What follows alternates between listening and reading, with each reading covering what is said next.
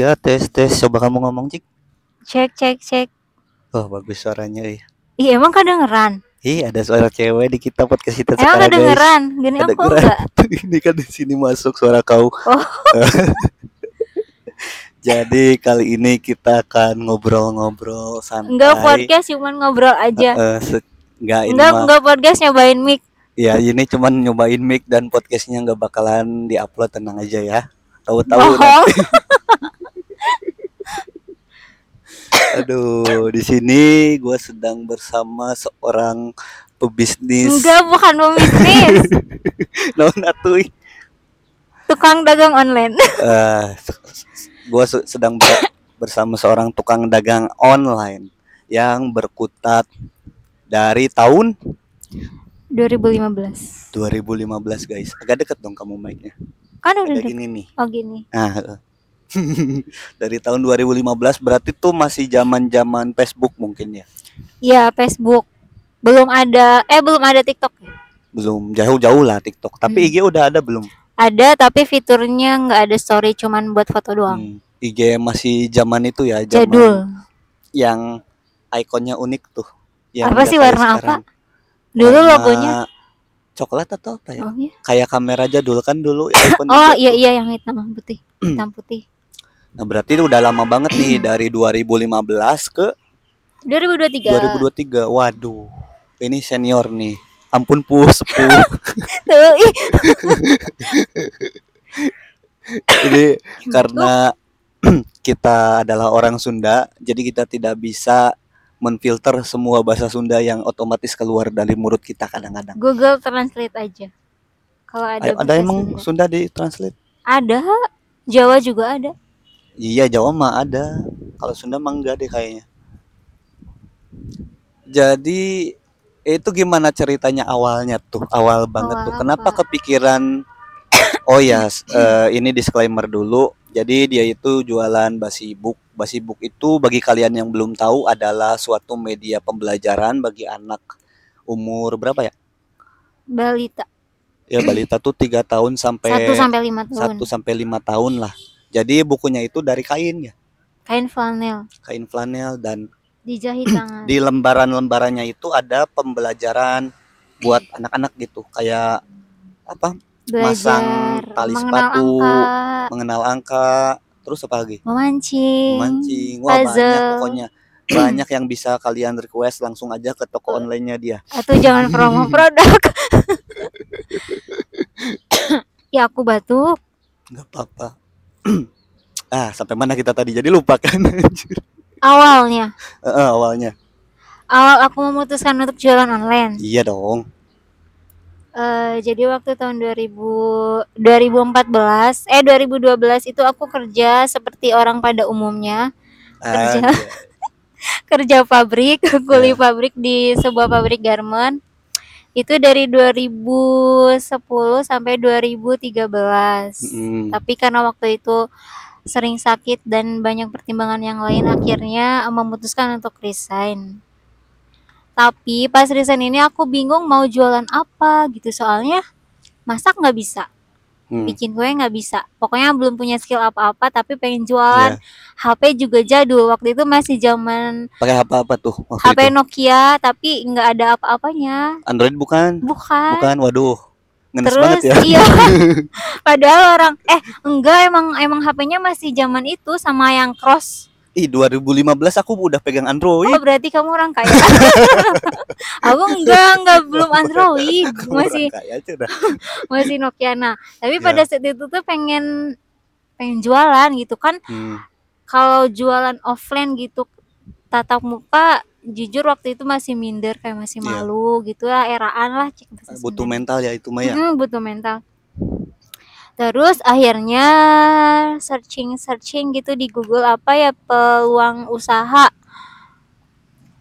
kebetulan Oh. teman kosan aku ada yang bisa jahit kain flanel Ya.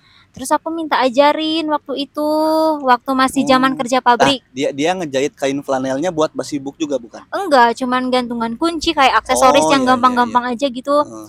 terus diajarin itu masih kerja pabrik posisinya Oh. Jadi itu teh dijualin di pabrik si gantungan kunci gitu Jadi, teh. Udah siap-siap nih transisi mau resign nih. Tapi enggak. lagi gitu? Tapi itu nggak ada apa, nggak ada rencana mau Oh, belum jualan. ada. Belum, Belum cuman kalau kita libur gabut eh ngapain yuk ah bikin kerajinan tangan gitu doang. Tuh, cewek-cewek dengerin kalau kalian libur tong rebahan baik.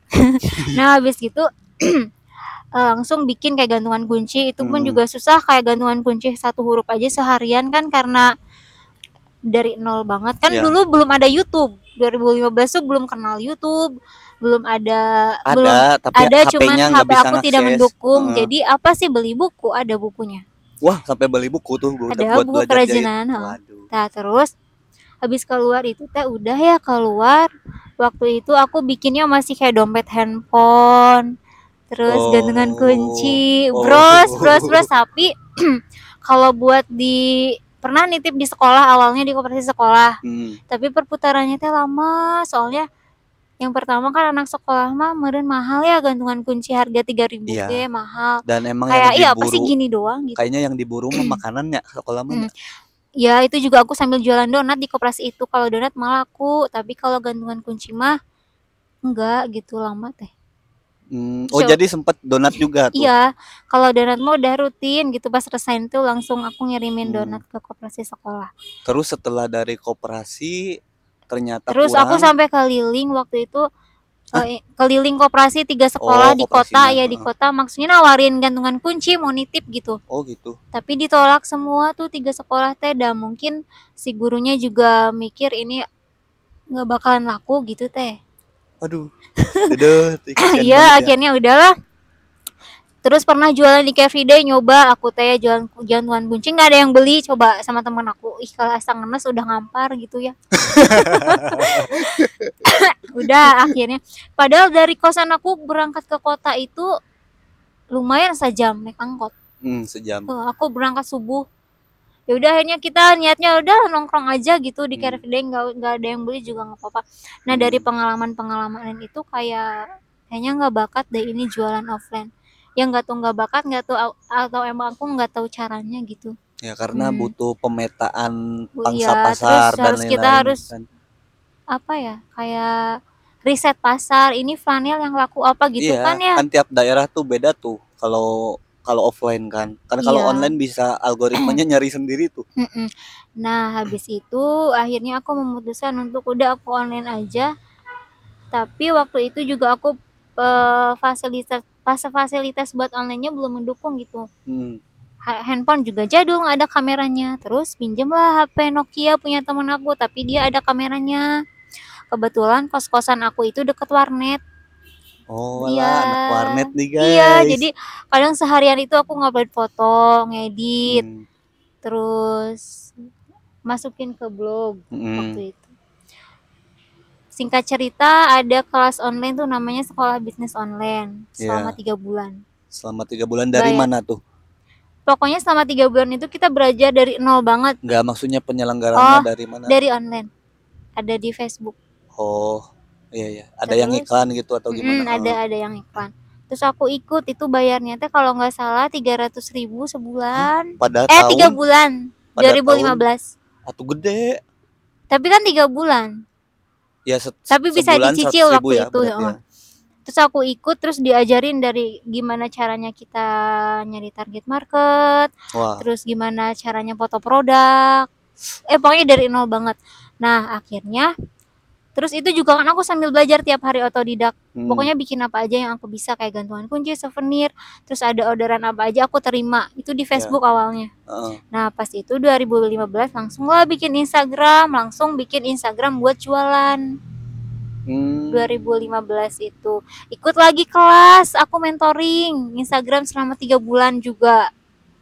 Itu tuh online. Ah, cuman sama mentornya dikasih tugas tiap hari dipantau gitu. Oh, tapi ini mah khusus Instagram Instagram. heeh, Heeh. Instagram marketing Hmm. nah dari follower aku yang tadinya cuma seribu selama tiga bulan itu lumayan jadi 8.000 targetnya Anjay. 10.000 targetnya dari mentor cuman Tapi aku itu nggak udah sampai hebat banget. Ajarin dong. Itu kan beda metode Instagram marketing zaman dulu sama sekarang tuh beda. Oh iya yang benar sekarang nggak bisa benar. diterapin. Heeh. Eh, yang dulu nggak bisa diterapin di materi sekarang. Yang dulu tuh gimana yang dulu tuh gampang kan Instagram belum ada fitur story. Heeh. Jadi tugasnya kita tuh tiap hari ngefollow orang itu 200 orang. Heeh, terus? Tapi yang sesuai target market. Misalnya nih, aku kan jualan mainan anak. Heeh. Jadi nyari orang-orangnya tuh di akun-akun besar yang jualan produk anak-anak juga. Oh. Jadi tinggal ya kalau istilah kasarnya mah kayak nyuri, nyuri follower ngerti gak sih? Jadi ketika kita follow 200 orang nantinya ada Ya ada yang nge-follow back. Nah, heeh, atau, Supaya- atau kita direkomendasikan ya. supaya kita di follow back orang tuh jadi se- akun kita tuh dikunci dulu. Mm. Terus foto-foto profilnya tuh diganti katanya tuh jadi sell. Jadi untuk menarik terus di Oh. profil kita ada tulisan diskon-diskon lah intinya kayak gitu. Enggak maksudnya prof, foto profil tulisan sel itu Yang merah itu loh, sale kan suka banyak tulisan merah. jadi artinya akun kita dijual atau gimana? Bukan, itu all shop. Cuman kayak sale tuh kan orang tuh biasanya kalau ngeliat tulisan sale tuh langsung tertarik, ih banyak diskon nih gitu gini. Oh iya iya Ngerti nggak? Makanya dikunci dulu biar orang tuh kepo, ini jualannya Oh. apa sih gitu ngerti kan? Oh, Nah, itu sama aku aku juga gitu. Heeh, itu itu maksudnya dulu mah eh kayak gitu tuh lumayan nambah followers Hmm. nah. Nah, akhirnya 8000 itu aku manual ya follow-follow orang itulah manual. Mm, Kadang aku dulu tuh ikut paid promote. ya, Jadi aku bayar ke akun nanti produk kita diposting. ya. Nah, dari perjalanan aku nyari follower itu tuh semakin ke sini tuh jadi produk aku tuh semakin dikenal gini. Mungkin Cuman ini masih di zaman Instagram masih misah sama Facebook ya, belum iya, nyatu ya. belum belum Belum Terus- ada iklan gitu ya di IG. belum. Hmm. Terus Waktu gimana tuh? itu aku jualan yang laku tuh ternyata hiasan pintu, hiasan pintu nama. Dan itu Oh, pertama hiasan. kalinya, pertama kalinya aku ngirim karya flanel aku ke luar pulau, ke Sulawesi. Dia tuh dia tuh borong ini apa? Hiasan pintu. Dia reseller. Enggak, cuman beli Oh, sama cuman tetangga-tetangga gitu buat saudara-saudara Oh, gitu. waduh. Itu mah Terus keluarga besar. Ya, terus banyaknya emang kan nah dulu tuh didukung juga sama BBM. Jadi kalau yang ada Hmm, order tuh kan aku ordernya lewat WA sama BBM. Oh iya. Kan dari nah dari perjalanan itu kan aku mikir kayaknya aku butuh HP Android kan waktu sebelum Iyalah. Instagram teh aku tuh ngeredit tahu. ngereditnya anak kos-kosan gitu kan modal usaha terbatas ya udahlah ngeredit itulah HP Android. nah, setelah punya HP Android itu jadi semangat Wih, aku beli alas foto ah dulu mah belum zaman konten-konten kayak sekarang Iya. masih kita punya skill foto aja udah bisa jualan Hmm. gitu udah akhirnya moto-moto gitulah. PO PO biasa. Gantungan kunci Kalau boleh tahu treatment cara penyampaian jualan di Facebook sama IG itu ada perubahan nggak? kalau dari dulu memang beda. Hmm, kalau di Instagram kita soft selling aja soft selling. Eh hard selling. Hard selling di hard IG. selling langsung jeder-jeder aja jualan. Kalau nah di kalau di Facebook aku lebih banyak soft selling. Terang. Lebih banyak soft selling di Facebook cuman cerita-cerita di balik layar Oh. kayak misalnya testimoni terus eh si Hmm. mbak ini pesan ini terus gini-gini gitulah cerita-cerita kalau di Instagram nggak pernah aku sam- bahkan jarang pakai caption di Instagram cuman upload upload aja Tapi laku tuh ya. nah itu aku sehari uploadnya sampai 20 foto Oh. Ka- kalau sekarang 20 Di foto banned. di banned anjir. Dikira spam. Dulu mah masih ini kebijakannya eh masih minum dulu longgar. minum Minum dulu santai. Tadi ada yang nanyain WC pula, guys. nah udahlah singkat cerita akhirnya aku udah mulai fokus di Instagram sama eh Facebook udah aku tinggalin Deketin mic-nya. Facebook udah aku tinggalin karena di Facebook itu kan kalau produk aku kerajinan tangan Iya. Jadi kalau di Facebook itu kebanyakan nanya doang pas nanya harga ih mahal mahal gitu. Berarti oh berarti memang target market aku aku nggak cocok di Facebook karena harganya menurut mereka mahal gitu. Berarti di Facebook mah cuman berten- bentar tuh ya. bentar bentar. Aku closing Facebook juga cuma satu dua cuman buat personal branding aja kayaknya Mm. di Facebook. Udah akhirnya aku fokusnya di Instagram. Nah kenapa bisa ada Facebook waktu itu kan udah agak berkurang nih orderan hiasan pintu Ya. otomatis aku nyari ide apa lagi ya bikin apa lagi gitu nah ada teman aku dia ngirim Dini bisa bikin basibuk enggak katanya gitu basibuk tuh apa aku tuh dia tuh ngirim gambar Mm-mm. tapi pas aku lihat ih gila kayaknya susah gitu kan pas Iya. ngelihat gambar-gambar yang dia kirim akhirnya aku bilang aja iya bisa kata Yang gitu dia padahal kirim tuh basibuk biasa atau yang bagus? Yang biasa Yang tapi biasa. aktivitasnya cuman gosok gigi Hmm. tali sepatu mandi gitu-gitu doang akhirnya ya udah aku bilang bisa padahal mah aku nggak tahu itu bikinnya kayak gimana belum kebayang gitu Hmm. akhirnya aku menyanggupi tapi waktu itu aku nyuruh temen aku yang senior Oh. teh bikinin nggak apa-apa ini buat eh, buat customer aku tapi teteh yang bikinin. Dia tuh udah oke tapi nggak dikerjain dikerjain. Sibuk dah kan ibu-ibu ya. Heeh. sibuk lah segala macam. Kata aku tuh ih lama banget ya nggak dikerjain kerjain akhirnya udahlah aku ngerjain sendiri tuh si sibuk itu. Oh.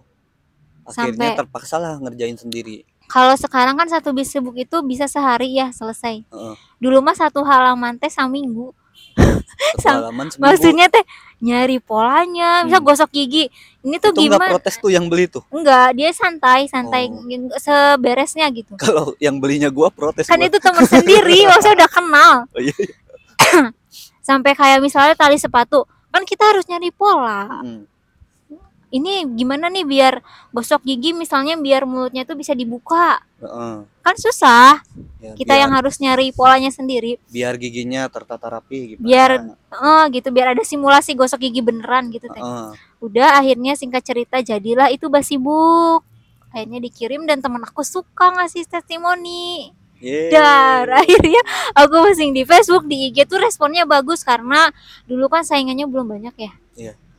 Nah pas sudah gitu nah dari situlah mulai basibuk pesen-pesen dulu aku cuman punya lima aktivitas cuman gosok gigi Mm. sikat eh gosok gigi tali sepatu belajar makan belajar mandi sama tidur sekarang ada 30 itu teh 30 itu teh dari ide-ide customer kayak mbak bisa nggak kalau aktivitas mengepang oh iya bisa aku buatin Oh. mbak iya, ada iya. aktivitas puzzle pesawat bisa nggak aku buatin jadilah sama aku di data tuh ternyata udah terkumpul Oh iya. 30 gitu Jadi yang banyak requestnya itu kamu data ya. Ya, jadi eh aku mah selama perjalanan otodidak belajar kerajinan tangan itu jualan nggak pernah ngomong nggak bisa. Walaupun pada saat Hmm. itu aku belum ada ide polanya gimana gini-gini. Oh, pokoknya bisa aja dulu. Jadi yang penting dia mau berani bayar. Yang penting ya duit bisa aja. Kayak apa ya? tau mah. Yang susah-susah apa ya? Dulu aku pernah dapat orderan goodie bag ulang tahun. Kan goodie bag itu kalau dipikir-pikir lebih cepat pakai mesin ya, Iya. yang yang tas kecil gitu Iya, loh. tahu. aku jahit manual itu semua Hmm. 100 piece lebih tapi selesai itu intinya Tapi ada juga yang susah tuh katanya ini eh, skripsian tuh, sibuk skripsian. oh itu akhir-akhir ini aja Hmm. dia mah udah jago kamunya. iya udah jago itu mah jadi ah cetek Rajin. Sombong dia guys. nah udah jago akhirnya perjalanan Instagram lah sampai akhirnya followers aku di sekarang 18k itu berarti berapa tahun dari 2015 2015 Lama. Hmm. lama itu pun aku marketingnya makin ke sini makin paham kayak endorse nggak ngandelin manual lagi. Pernah iklan ads. Jadi kalau ada yang tanya gimana prosesnya sampai 18k itu ya emang bukan beli followers atau simsalabim enggak lah. Bener-bener organik ya dari awal ya. udah. Dan dia tuh enaknya gini, karena produknya jadi gitu, jadi dia bisa endorse gratis ya, tinggal ngirim gratis produk ke- tinggal jadi istilahnya itu barter. Kita ngasih produk, dia dapat konten, kita dapat promosi. ya tapi ada juga yang narip tapi naripnya itu paling 50.000 ribu 100 ribu nggak yang jutaan kayak selebgram selebgram gitu Kok suaranya tambah pelan? oke itulah dulu, Instagram minum dulu. udah Instagram segitu aja terus oh ya terus yang aku pelajari ini selama perjalanan bisnis online itu Hmm, agak keras dong suaranya.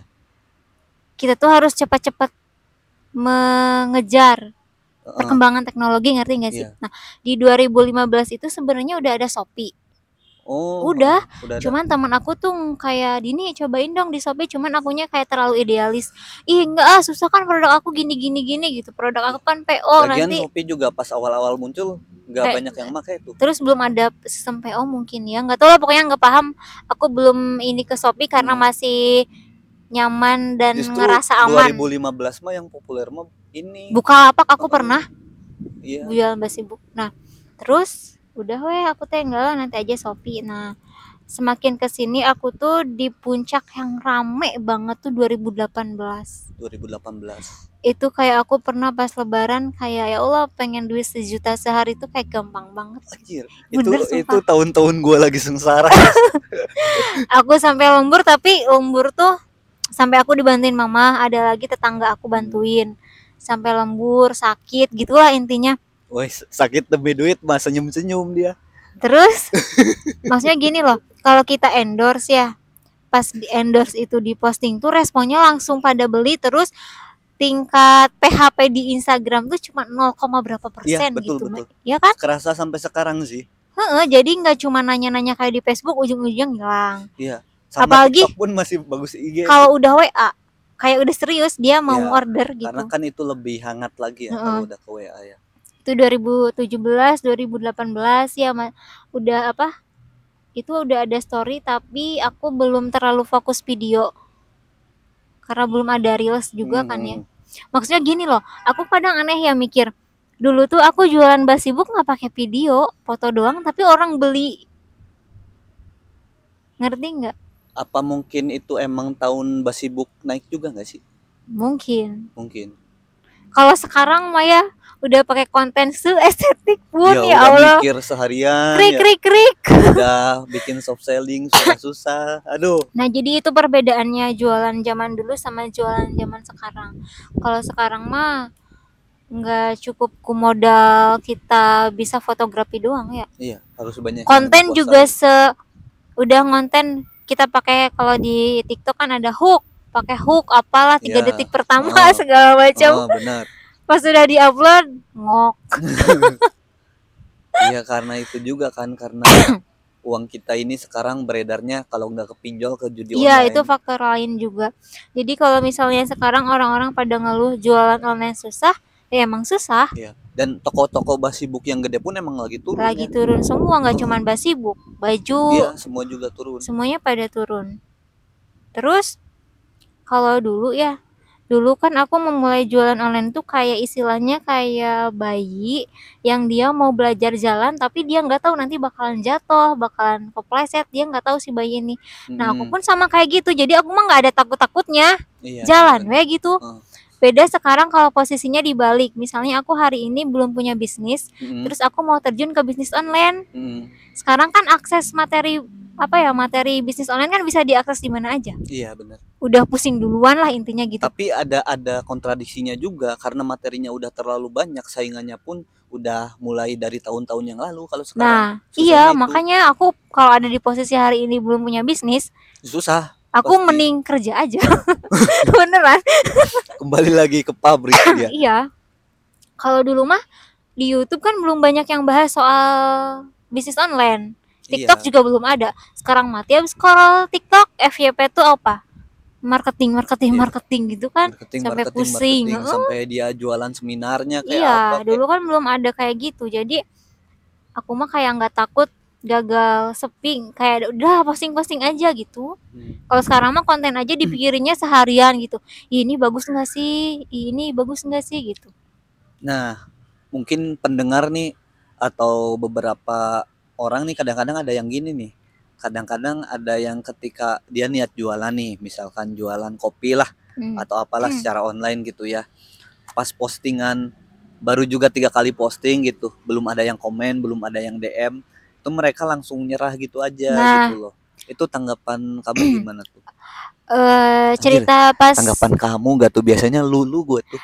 cerita pas aku jualan online di Facebook itu aku ada orderan pertama tuh setelah empat bulan Setelah empat bulan, iya itu pun ordernya yang kenal-kenal aja bukan orang yang jauh gitu teh hmm, kalau di sosial media itu kayaknya minimal tiga bulan deh iya. itu tuh tiga bulan kita konsistennya personal branding pos konsisten Berat posting gitu. Mm-mm. ini mah ada temen aku ya pernah setahun gitu setahun belum belum ada order.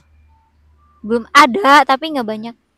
Ada tapi nggak banyak. Tapi kan di situ kita nggak eval- evaluasi. Mm-mm, kita bener. tiap hari udah posting belum udah tahu belum caranya bikin selling misalnya? Berarti dalam artian ketika kita posting dan baru setelah tiga bulan itu ada yang beli itu masih tahapan wajar ya sebenarnya. Wajar wajar. Orang yang dua tahun aja aku masih ram online tuh maksimal eh minimal ya pengen rame banget tuh dua tahun.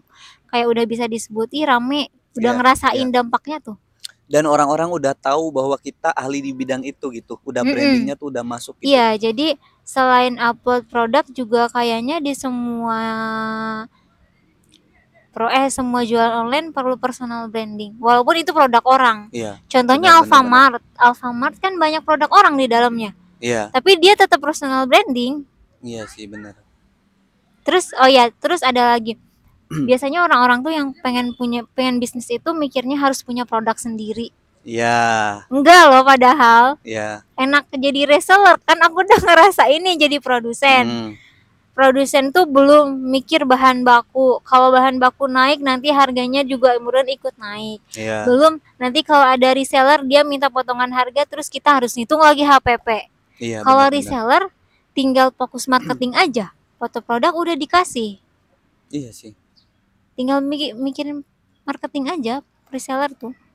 Emang jualannya eh, untungnya pasti kecil, tapi kan bisa, bisa kita siasati berarti closingnya harus banyak gitu. Iya, tapi kan reseller tuh punya kemampuan untuk memilih lebih luas daripada si Iya. produksi gitu. Karena dia ya dia nggak ngemodal bahan baku gitu ya. Dia beba- bebas milih barang yang mana yang mau dia jual. di Shopee aja kebanyakan dia jual barang orang tapi banyak kok yang Iya. star seller Nah, kayak gini nih. Kayak yang affiliate-affiliate itu Iya. ya. Itu juga mungkin butuh personal branding ya. betul, Karena betul. tiap orang jualan barang yang sama tuh kadang-kadang hasilnya beda tuh. beda Hmm. nah terus aku mau ngomong apa sih lu Gara-gara gue potong tadi. Iya intinya gitu kalau yang mau sekarang kalau misalnya yang mau niat ada pengen jual online gak usah mikir kejauhan Iya, bener. bikin produk trial error dulu ah lama Gak usah mikir kejauhan. Oh, nanti kalau se- kejual 10 Terus- beli ini terus bisa beli menurut ini. aku di jualan itu kadang passion itu nggak terlalu Iya, penting heeh. sekarang banyak kok cowok yang jualan jilbab tapi dia omsetnya ini Iya. terus banyak Iya, juga justru itu passionnya passion jualan. Bukan ke produknya tuh kan gini dulu mah pernah aku pernah dengar misalnya eh aku mau jualan apa ya? Terus dikasih saran misalnya kamu nih Fadlan mau jualan. Terus aku nanya kamu sukanya apa? Bola misalnya. Terus aku kasih Oh saran iya, gini. emang emang gak penting kalau itu. iya jadi Hmm. harus sesuai hobi misalnya yaudah kamu jualan alat-alat bola aja gitu aksesoris bola. Nah menurut aku menurut aku itu nggak berlaku Karena jualan itu bukan ngelihat apa yang kita suka, tapi melihat apa yang Market yang apa- orang-orang butuhin. iya yang market butuhkan apa Karena kalau misalkan gua sukanya hoki es kan payah juga di Windu Janten mana mana ada terus hoki es. eh kadang ada orang-orang yang jualannya produk apa sih yang menurut kita nggak penting yang aku Nah, pernah bilang Heeh, itu jualan karet rambut setoples buat apa iya, kamu iya, dipikir-pikir tuh ya iya. tapi banyak tuh yang Tapi beli kan itu dibutuhkan. iya dibutuhkan terus cara marketingnya juga Mm-mm. tahu nggak marketingnya sekarang live di TikTok tuh orang yang jualan karet rambut Mm. apa coba dikasih free amplop isi duit siapa yang nggak mau Itu tuh amplopnya gacha kan? acak Maksudnya ada yang isi, ada yang enggak. enggak isi semua Isi semua. Mm-mm. Hmm. Sekarang tuh orang lomba-lombanya di marketing bukan di ba- bagus-bagus produk. Iya benar. Jadi apa pun sebagus apa pun foto produk kita, Iya. kalau cara penyampaiannya itu kurang tepat, gak dibeli tuh produk. Kayak Biasanya. makanan juga. Udah makanan bikin yang enak banget, tapi kalau dia nggak bisa marketing mah tetap Hmm. sepi kata aku mah gitu. Tapi selain itu, menurut gua ada faktor ini gak sih? Ada faktor-faktor di mana kita itu nggak bisa nebak apa pun gitu. Ada faktor mood customer istilahnya gitu. Hmm. Ketika kita posting ngacak misalkan, gua jualan ebook nih, gua posting cuman eh, tiga ebook berapa harganya. Nah ada yang beli tuh pas soft selling susah payah mikir nggak ada yang beli tuh. Iya benar. Jadi kadang-kadang nah itu yang yang nggak bisa ditebak adalah mood dari calon customer gitu. Itulah konsistensi itu eh, menambal apa-apa yang bocor dalam persoalan tersebut gitu. Kadang contoh sederhana aja kita di rumah, Hmm, ada tukang bakso, ya. kita punya duit, tapi teng teng teng pengen ah enggak ah pengen gitu Iya, teng. iya. Tapi kadang kadang kalau lagi misal gabut gitu, teng teng teng uang uang pas-pasan tapi pengen. Iya, uang ah, pas-pasan beli tapi gitu. wah, langsung dikejar. Iya. Di Aneh online juga emang itu. aneh. Nah, makanya aku pernah baca ada gimana caranya orang itu bisa langsung memutuskan beli. Ada itu ilmunya, Wah, tapi aku belum belajar. nanti kita bahas berdua aja, nggak boleh di sini lah. Ada, jadi eh, untuk di memutuskan buat beli. Ya, kayak gitu. Terus tentang TikTok Shop. Hmm. Itu TikTok nanti Shop. kita di part 2 Oh ya. iya, karena iya, udah, panjang 30 banget, menit. ih. Tuh, karasanya. Eh, aku bisa ngomong. Orang bisa kata gua juga. Ih, kamu masuk kayak gitu sih. Jadi gitulah sekilas perjalanan online shop Dari awal banget Dari dari, awal zaman. BBM, Jadi kayak- Facebook, IG sampai 18.000 followers. aku ngerasain perbedaannya tuh yang kayak jauh banget. Hmm. Jadi yang mau bisnis online emang harus siap dengan perubahan. Terus yang kedua harus mau belajar dan ngikutin perkembangan zaman jangan idealis kayak aku dulu masih aman ya orderan banyak dari IG akhirnya ah Shopee nanti ah Shopee nanti gitu Hmm. sampai ada yang tanya mbak ada Shopee nggak ada Shopee kak Kak, aku masih idealis Oh, masih itu padahal udah banyak yang nanya Iya, iya, iya. sampai akhirnya oh ini harus bikin Shopee gitu ada Shopee jadi nggak? ada Shopee nggak? Ah, gua mah Instagram gitu ya. kayak TikTok juga gitu aku banyak yang nyaranin Bentar. Udah masuk ke TikTok, kita Oh, lanjut di episode selanjutnya. Oke. Langsung play ya. Sip. udah ini Ya.